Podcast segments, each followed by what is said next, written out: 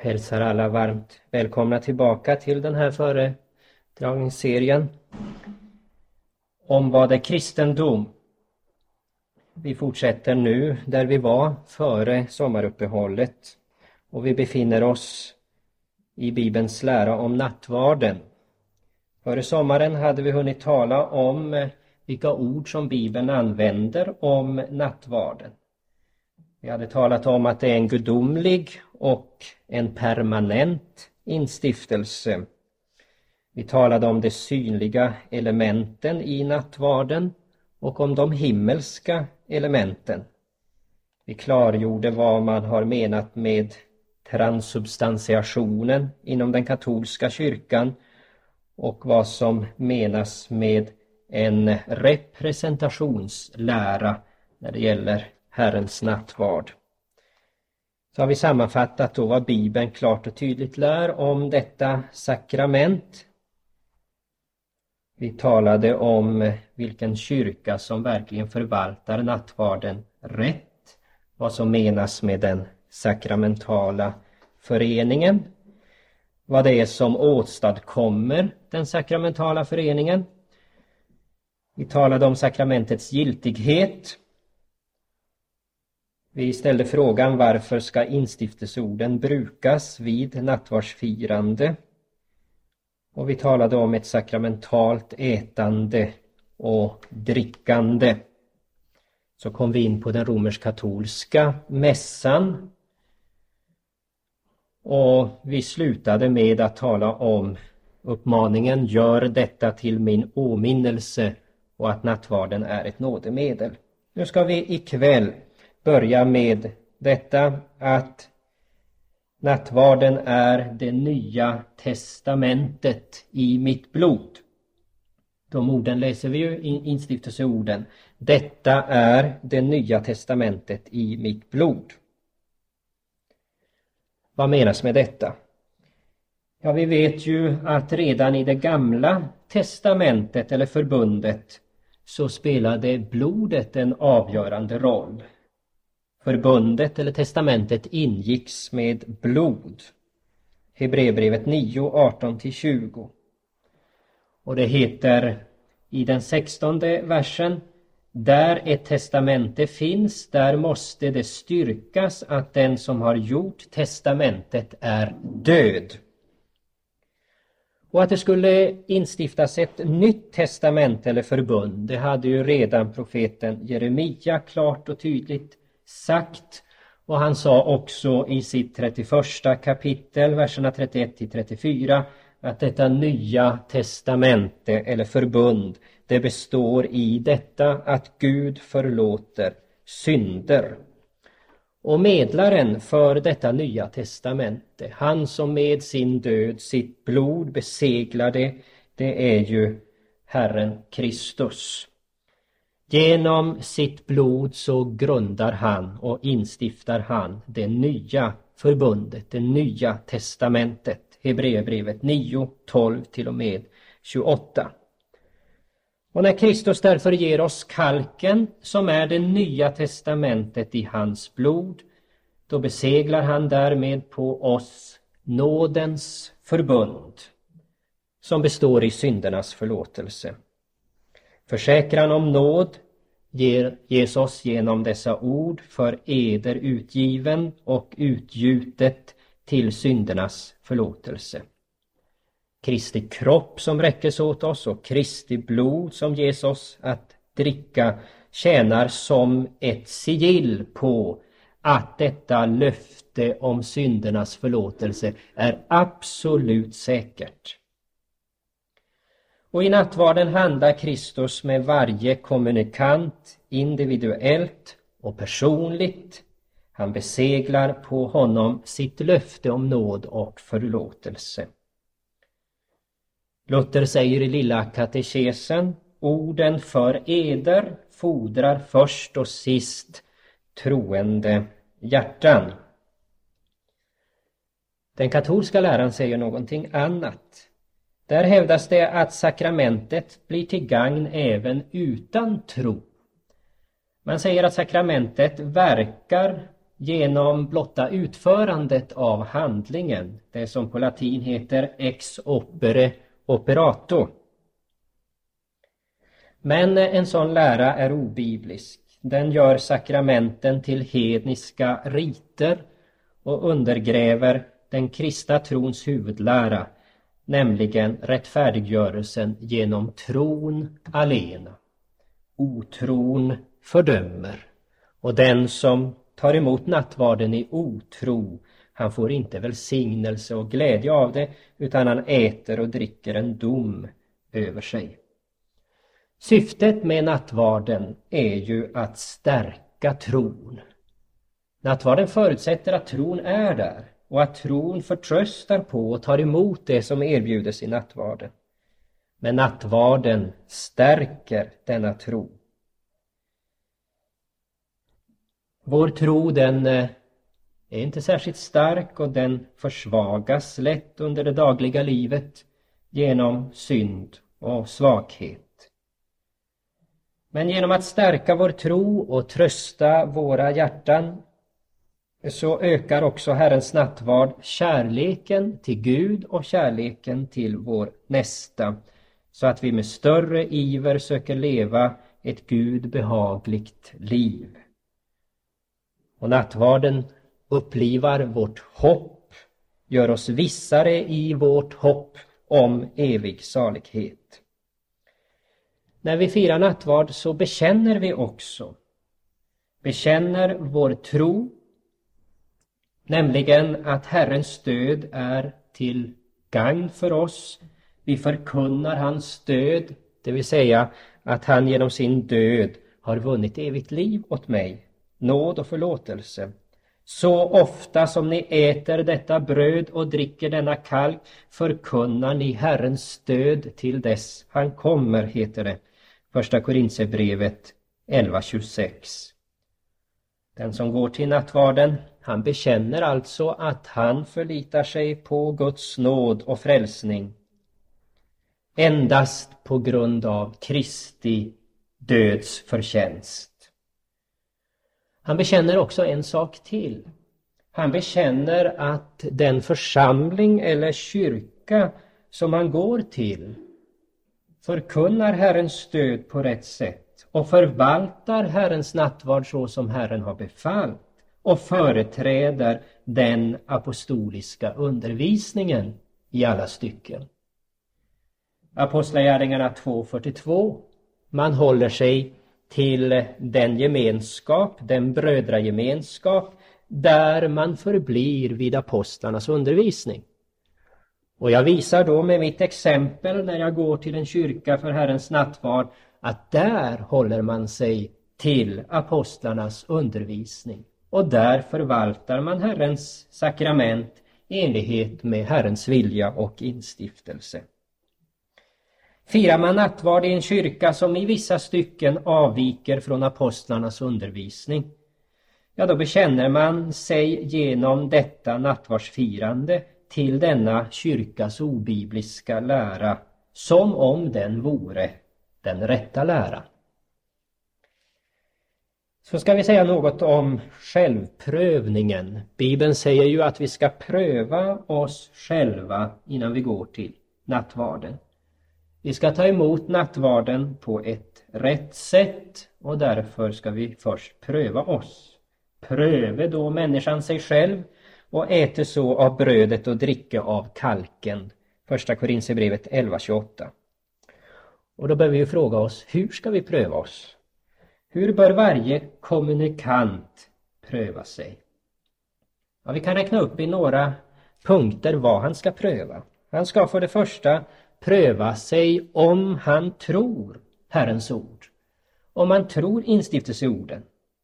Han måste kunna, som det heter, göra åtskillnad mellan Herrens lekamen och annan spis. Eller ordagrant, första Korinthierbrevet 11.29, förstå att kroppen är där. Det vill säga förstå och tro och lita på orden att Kristi kropp och blod verkligen är närvarande i nattvarden.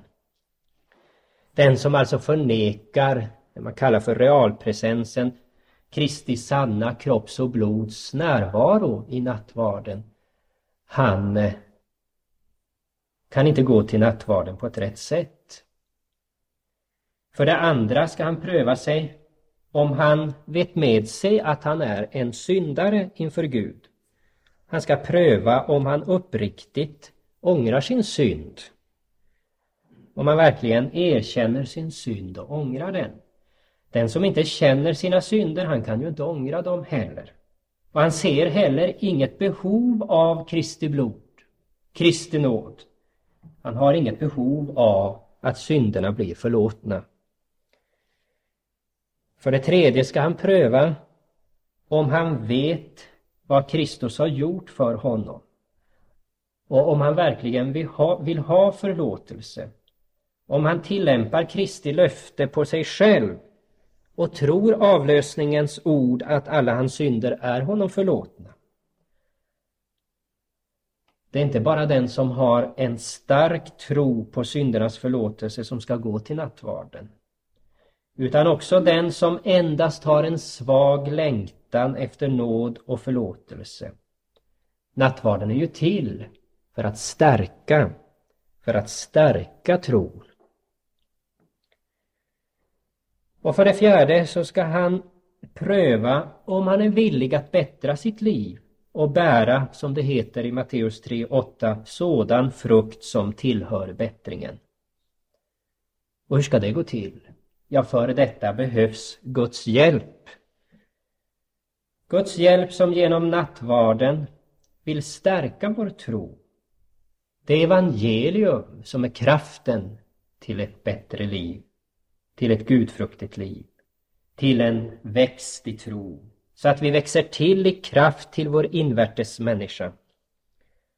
Och en villighet och önskan att bättra sitt liv inför Gud, det går hand i hand med att man verkligen litar på Guds löfte om förlåtelse. Aposteln skriver, den som nu på ett ovärdigt sätt äter detta bröd eller dricker Herrens kalk, han försyndar sig på Herrens lekamen och blod. Första Korinthierbrevet 11.27. Och denna synd och profanering av Herrens kropp och blod, den drar med sig Guds dom. Får vi veta i vers 29. Och då kan vi ju fråga, vem är då värdig? Vem är då värdig att gå till nattvarden? Ja, lilla katekesen svarar, värdig och väl beredd är den som sätter tro till dessa ord för eder utgiven och utgjutet till syndernas förlåtelse. Det är alltså att komma till nattvarden som en syndare som behöver nåd och som förlitar sig uteslutande på Kristus för nåd och förlåtelse. Så ska vi säga något om öppet eller slutet nattvardsbord. Öppet eller slutet nattvardsbord. Bibeln lär oss att Herrens nattvard instiftades inte för vem som helst. Den instiftades för lärjungar till Jesus. Och i den apostoliska kyrkan där predikades evangelium för alla som ville lyssna.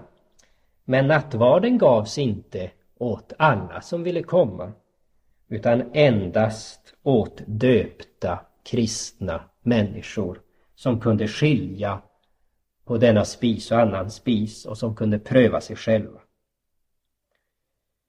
På senare tid så har kyrkor och samfund infört någonting som tidigare var den främmande, nämligen att praktisera ett öppet nattvardsbord. Det har blivit så vanligt så att många tror att det är det som är det normala och det ursprungliga. Men så är det ingalunda. Nu så kan man låta vem som helst gå fram till nattvardsbordet och delta i nattvarden.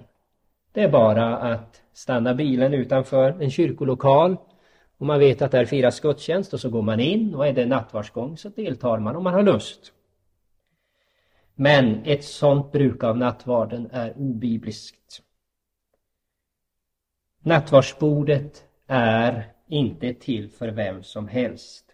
Och att nattvardsbordet enligt Bibeln är slutet, det innebär att endast de som delar församlingens tro, som bekänner detsamma som eh, församlingen bekänner vara Bibelns klara och tydliga lära och som kan pröva sig själva, de firar nattvard tillsammans. De som försvarar någon synd i läran, till exempel går emot någonting som eh, skriften lär, eller försvarar någon synd i levernet, öppet och offentligt, ja, de måste ju först förmanas att överge sin synd. Vad är det då som bör få oss kristna att ta emot nattvardens sakrament ofta? Att ofta gå till nattvarden? Ja, för det första Kristi befallning. Kristi befallning och nådiga inbjudan bör få oss att ta emot sakramentet ofta. Jesus säger ju Gör detta. Han vill att vi ska fira nattvard. Han vill att vi ska bruka detta nådiga sakrament. Och han säger så ofta ni äter detta bröd och dricker ur kalken förkunnar ni Herrens stöd till dess han kommer.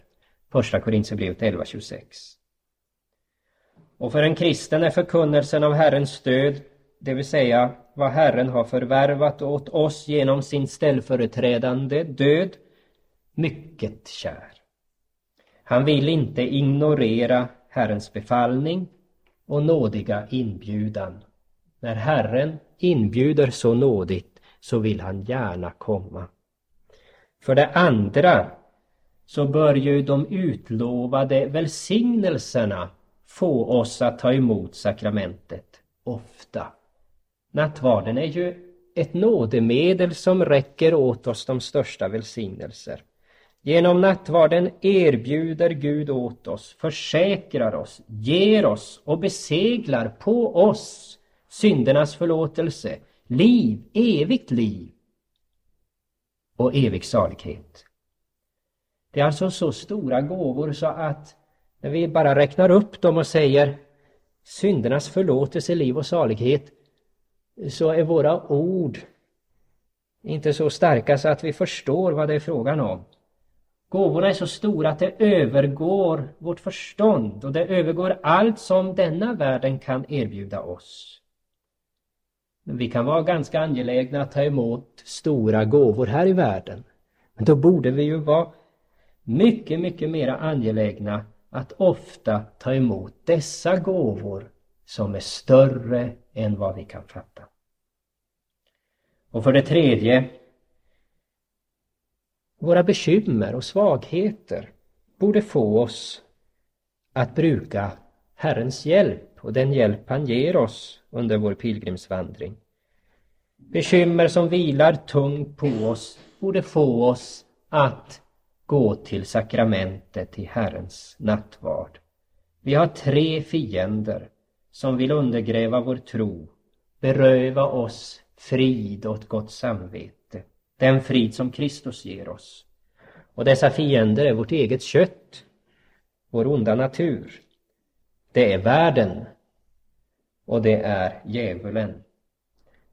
Kristus instiftade nattvarden för att trösta oss i denna världens bedrövelser och stärka vår tro och vårt hopp och ge oss kraft mot frestelserna från våra fiender, djävulen, världen och vårt eget kött.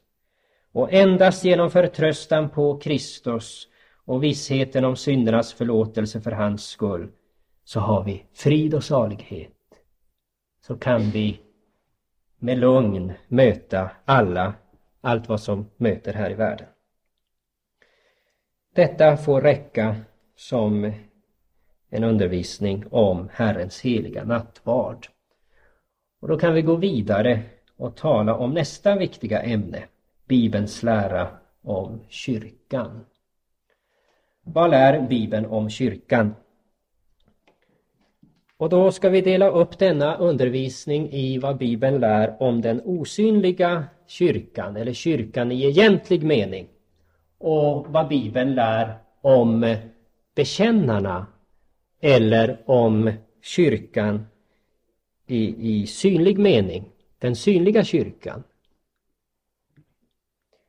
Vi ska alltså nu tala först om den osynliga kyrkan. Vad är kyrkan enligt Bibeln? Ja, vad menas med ordet kyrka? Många tänker på en byggnad, många tänker på en organisation. Men kyrka, det är inte en organisation eller en byggnad. Själva ordet är härlett från det grekiska ordet kyriakon. Kyriakon. Och det betyder tillhörande Herren. Herrens egendom. I Nya testamentet brukas ordet eklesia. Och det betyder en församling som har kallats ut eller kallats ihop, kallats tillsammans. Och då kan vi fråga, kallats ut ifrån vad? Jo, från mörkret, från otron till ljuset, till tron. Alla dem som den helige Ande genom evangelium har kallat från mörkret till sitt underbara ljus utgör ett utvalt släkte, ett konungsligt prästerskap, ett heligt folk, ett egendomsfolk. Första Petri 2.9. Och denna församling, eller detta folk, är detsamma som kyrkan, Kristi kyrka. Och i Johannes 10, 14-16 och 26-28 talar Jesus om det troende som hans flock, hans jord. Denna jord är kyrkan.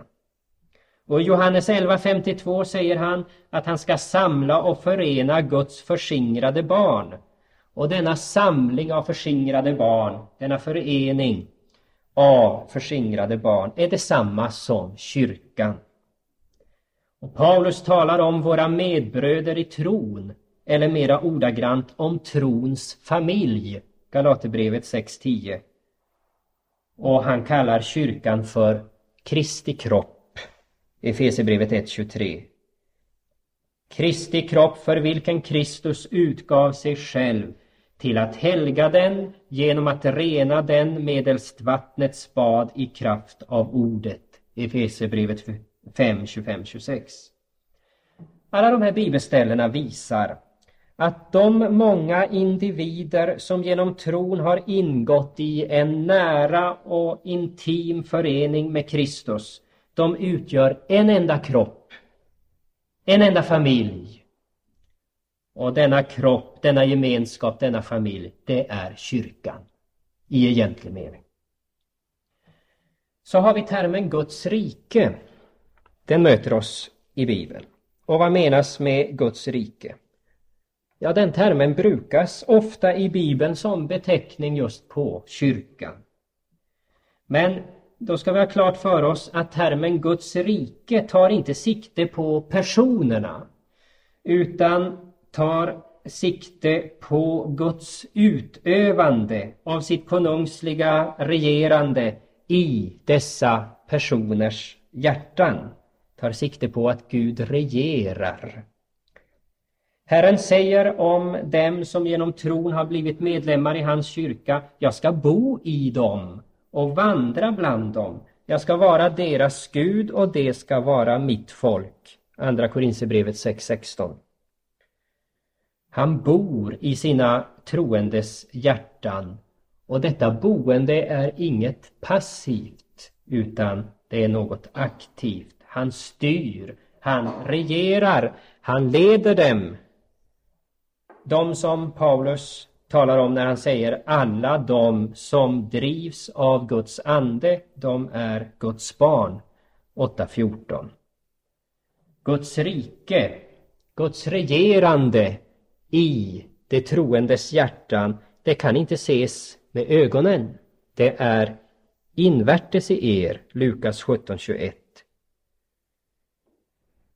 Och detta regerande, detta Guds rike, är alltså Guds aktivitet i de kristnas hjärtan, genom vilken han styr och regerar dem med sin ande.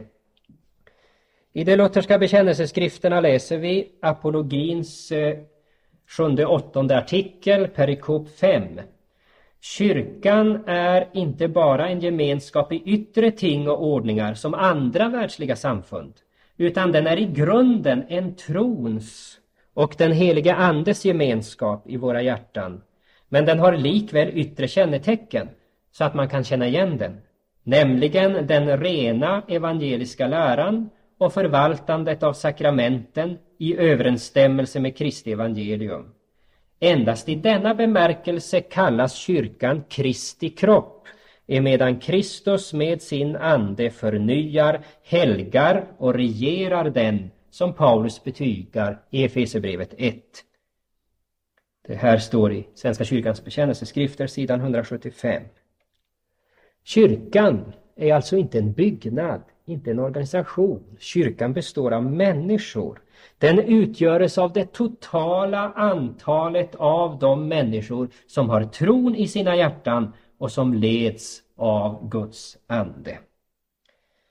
Ja, men hur är det då med icke-troende? Sådana som hycklar, sådana som låtsas kanske vara troende, som kanske har munnens bekännelse men deras hjärtan är långt borta ifrån Herren.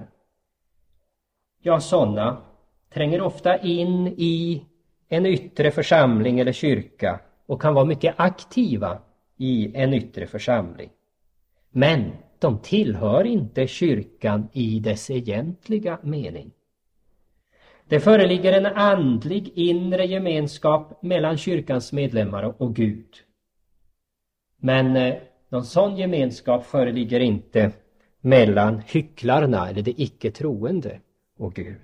De tillhör inte kyrkan egentligen. Kyrkan kallas ju i Bibeln för Guds hus eller den levande Gudens församling, första Timoteus 3.15. Ett andligt hus, första Petri 2.5. Ett heligt tempel i Herren, Efesierbrevet 2.21. Ett rike i vilket vi är medborgare, ett himmelskt medborgarskap. En familj där vi är barn, eller som det ibland översätts, Guds husfolk, Efesierbrevet 2.19. Kristi kropp, där vi är lemmar, Efesierbrevet 1, 22, 23. Ett utvalt släkte, eller ett konungsligt prästerskap, ett heligt folk, ett egendomsfolk, 1 Petri 2, 9. Och för att vara i detta intima och personliga förhållande till Gud så måste man vara troende. Så måste man ha tron på Kristus. Ty, säger aposteln, alla är ni Guds barn genom tron i Kristus Jesus. Galaterbrevet 3.26. Alla sant troende är alltså medlemmar i denna kyrka. Och det oberoende av vilket yttre samfund de tillhör. Och ingen som saknar tron är medlem i denna kyrka. Och det är oberoende av om de är präst eller biskop eller påve. Kristenheten på jorden, den utgöres av dem som den helige Ande, som Luther säger i Lilla katekesen, förklaringen till tredje trosartikeln, kallar, samlar, upplyser, helgar och bevarar med Jesus Kristus i den enda rätta tro. Och när en människa kommer till tro på Kristus, ja då blir hon också medlem i Kristi kyrka. Och det är oberoende av var hon kommer till tro. Om hon kommer till tro när vi predikar evangelium här, eller ute på gatan, eller till och med i ett irrlärigt samfund, i den mån evangelium också blir predikat där. När en människa kommer till tro blir hon medlem i kyrkan. Men hon upphör att vara medlem i kyrkan i samma ögonblick som hon förlorar tro. Hon kanske befinner sig i en gemenskap där man ständigt också för fram förvanskningar som blir ett hinder för trons liv och för trons upptändande och närande. Och i samma ögonblick som tron då plockas bort, hon förlorar tron, så är hon inte längre medlem i kyrkan, även om hon är biskop eller ärkebiskop eller något annat fint till det yttre, i den yttre kyrkan. För sin otros skull blev de bortbrutna, heter det, Romarbrevet 11.20. Vi ska också ha klart för oss att kyrkan i, i egentlig mening omfattar inte bara de som nu lever. Kyrkan omfattar både alla kristna som har dött i tron och kommit till den himmelska saligheten. alltifrån Adam och Eva. Och alla de kristna som alltjämt lever i denna världen. Man kan därför skilja mellan, som man uttrycker det, den stridande kyrkan här på jorden och den triumferande kyrkan i himmelen. Den triumferande kyrkan, det är alltså de som har varit trogna in till döden och som nu har ingått i den eviga sabbatsvilan, Hebreerbrevet 4.9, som alltjämt lever. Deras själar lever och de regerar med Kristus.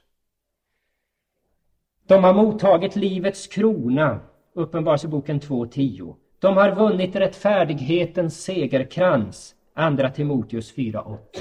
Men vi som ännu lever, den som tror, vi tillhör den stridande kyrkan. Varför? Jo, därför att vi har att föra ett andligt krig här på jorden. Vi har att ikläda oss hela Guds vapenrustning så att vi kan hålla stånd mot djävulens listiga angrepp. Ty den kamp vi har att utkämpa är en kamp icke mot kött och blod, utan mot förstar och väldigheter och världshärskare som råder här i mörkret, mot ondskans andemakter i himlarymderna. Så heter det i Efesierbrevet 6, 11 och 12. Vi har en kamp att föra mot djävulen och världen, första Johannes 5, 4, och mot vårt eget kött, Galaterbrevet 5.17, första Korintierbrevet 9, 26 och 27. Här tillhör vi den stridande kyrkan och vi har att kämpa för den tro som en gång för alla har blivit överlämnad åt det heliga. Så hinner vi också ikväll att säga något om kyrkans egenskaper. Och vi talar alltjämt om kyrkan i den egentliga meningen. Nästa gång ska vi tala om den synliga kyrkan.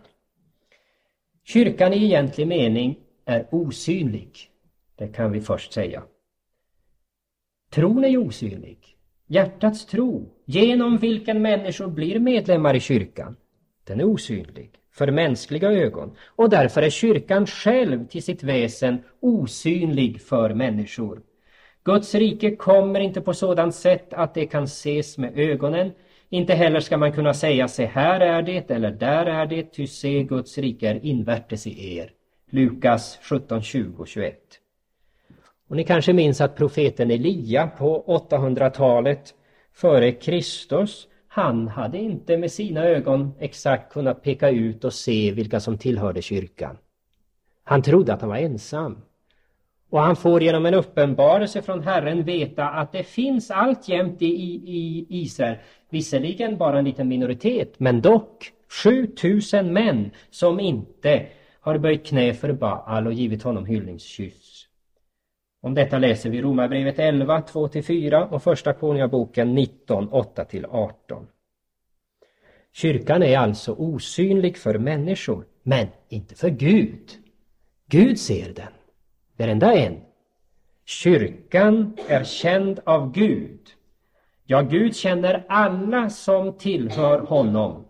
Herren känner de sina, eller Herren känner dem som är hans. Andra Timoteus 2 och 19. Och också den enskilde kristne vet för egen del att han är en troende. Andra Korinthierbrevet 13.5, andra Timoteus 1.12. Jag vet på vem jag tror. Om ni inte vet mer att ni har Herrens ande, då är det fara och färde. Och vi läser om i andra Kor 13. Den kristne han vet därför också att han tillhör det heligas samfund, den osynliga kyrkan, Guds kyrka och församling. Det var alltså det första av egenskaperna kyrkan är osynlig. Det andra vi kan nämna här är att kyrkan är en, en enda. En helig allmännelig kyrka. Kyrkan omfattar alla människor över hela jorden som har en sann tro på Kristus. Det finns bara en jord och en herde, Johannes 10.16. En kropp, en ande, liksom ni också blev kallade till att leva i ett och samma hopp, det som tillhör er kallelse. En Herre, en tro, ett dop, en Gud som är allas fader, han som är över alla, genom alla och i alla. Efesierbrevet 4, 4 till 6. Allesammans som tillhör Kristi sanna osynliga kyrka. De är en enhet, de har alla samma fader. Här är icke jude eller grek, här är icke träl eller fri. Här är icke man och kvinna, alla är ni en, en enda person, en enda i Kristus Jesus. Galaterbrevet 3.28. Kyrkan är alltså en enda. Det tredje vi kan nämna här är att kyrkan är helig. Kyrkan är helig. Genom trons rättfärdiggörande kraft, genom förtröstan på Kristus och hans rättfärdighet, så har alla troende full förlåtelse och Kristi fullkomliga rättfärdighet. De är sålunda heliga inför Gud. De är helgon. Kristus har utgivit sig själv för församlingen, heter det, till att helga henne genom att rena henne medelst vattnets bad i kraft av ordet. Ty så ville han själv ställa fram församlingen inför sig i härlighet utan fläck och skrynka och annat sådant, fast mer skulle hon vara helig och ostrafflig på grund av Kristi rening, för Kristi skull, på grund av Kristi rättfärdighet, är kyrkan i egentlig mening helig, fullkomlig, rättfärdig. Och det är av denna anledning som kyrkan kallas för det heliga samfund. Jag tror på det heligas samfund. Varför säger jag jag tror på? Därför jag kan inte se detta samfund. Det är osynligt. Men jag vet att det finns i kraft av evangelium. I kraft av ordet. För det fjärde, kyrkan är katolsk, det vill säga allmännelig. Den har medlemmar från alla folkslag, stammar, folk och tungomål. Den är inte begränsad till en viss hudfärg eller nation. Den är inte begränsad till ett visst område av jordklotet. Till Kanans land till exempel på kartan. Den är allmännelig, universell. Den omfattar kristna var de än bor i världen, vilken ras eller nation de än tillhör och vilken tid de än lever i. Och det som har upptänt tron och skapat kyrkan är detsamma igår och idag och i evighet. Det är inte en lära för vår tid och en annan lära för en annan tid. Nej, kyrkans lära gäller alla och gäller i alla tider. Guds ord kan ju inte bli om intet. Johannes 10. Men eftersom den romersk-katolska kyrkan lagt beslag på termen katolsk och felaktigt bundit eh, den här termen till ett visst samfund, ett yttre samfund, som på intet vis är universellt, så bytte Luther ut ordet katolsk mot kristen i den tredje trosartikeln. Han sa vi tror på en helig kristen kyrka. Just därför att ordet katolsk så lätt blir missförstått och har missbrukats av den katolska kyrkan. För det, vad blir det nu, det femte så ska vi också framhålla att kyrkan kan inte gå under. Kyrkan kan inte gå under. Olika samfund Olika kyrkoorganisationer, olika lokalförsamlingar kan försvinna. Men den osynliga sanna kyrkan kan inte gå under, den kommer att bestå. Jesus har sagt helvetets portar ska inte bli henne övermäktiga. Matteus 16, 18. På hans rike skall ingen ände vara. Lukas 1, 33. Det kommer alltid att finnas en gemenskap av sant troende som bevaras genom Guds kraft från att bli ett byte för fundamentala misstag. Människor som falskeligen säger sig vara Messias skall uppstå, så också falska profeter, och de ska göra stora tecken och under för att om möjligt förvilla jämväl de utvalda, läser vi i Matteus 24, 24. Men det går inte. De utvalda blir bevarade. Ingen ska rycka dem ur min hand. Johannes 10.28. Och där evangelium och sakramenten finns kvar, där kommer alltid några att föras till tro på Kristus och så bli medlemmar i kyrkan. Och så för det sjätte, den osynliga kyrkan är den enda frälsande kyrkan.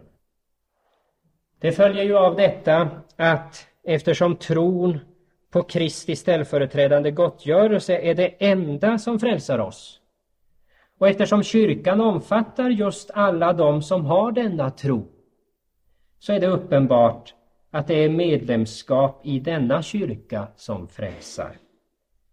Den som förkastar tron genom vilken vi blir medlemmar i denna kyrka kan inte finna frälsning på något annat håll, i någon annan religion.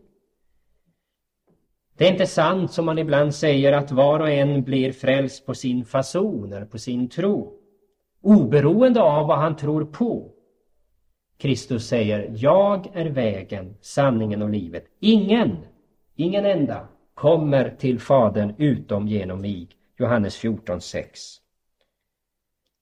Men ingen synlig kyrkoorganisation kan göra anspråk på att vara den enda frälsande kyrkan. Det har den romersk-katolska kyrkan gjort anspråk på. I en rad uttalanden från koncilier och påvar har man framhållit att frälsningen finns icke utanför just den romerska katolska synliga kyrkan. Och man eh, lär ju också att kyrkan är synlig. När man brukar uttrycket utanför kyrkan ingen frälsning så är detta sant om det tillämpas på den osynliga kyrkan. Tillhör man inte Kristus, är man inte medlem i Krist, lem i Kristi kropp, så står man utanför Guds rike och utanför saligheten. Och där tror jag att vi får stanna ikväll, så ska vi börja nästa gång med att tala om hur kyrkan uppbygges och bevaras, nämligen endast genom Guds verk och därefter ska vi då tala om den synliga kyrkan. Vad som menas med en synlig kyrka, synliga kyrkor och samfund.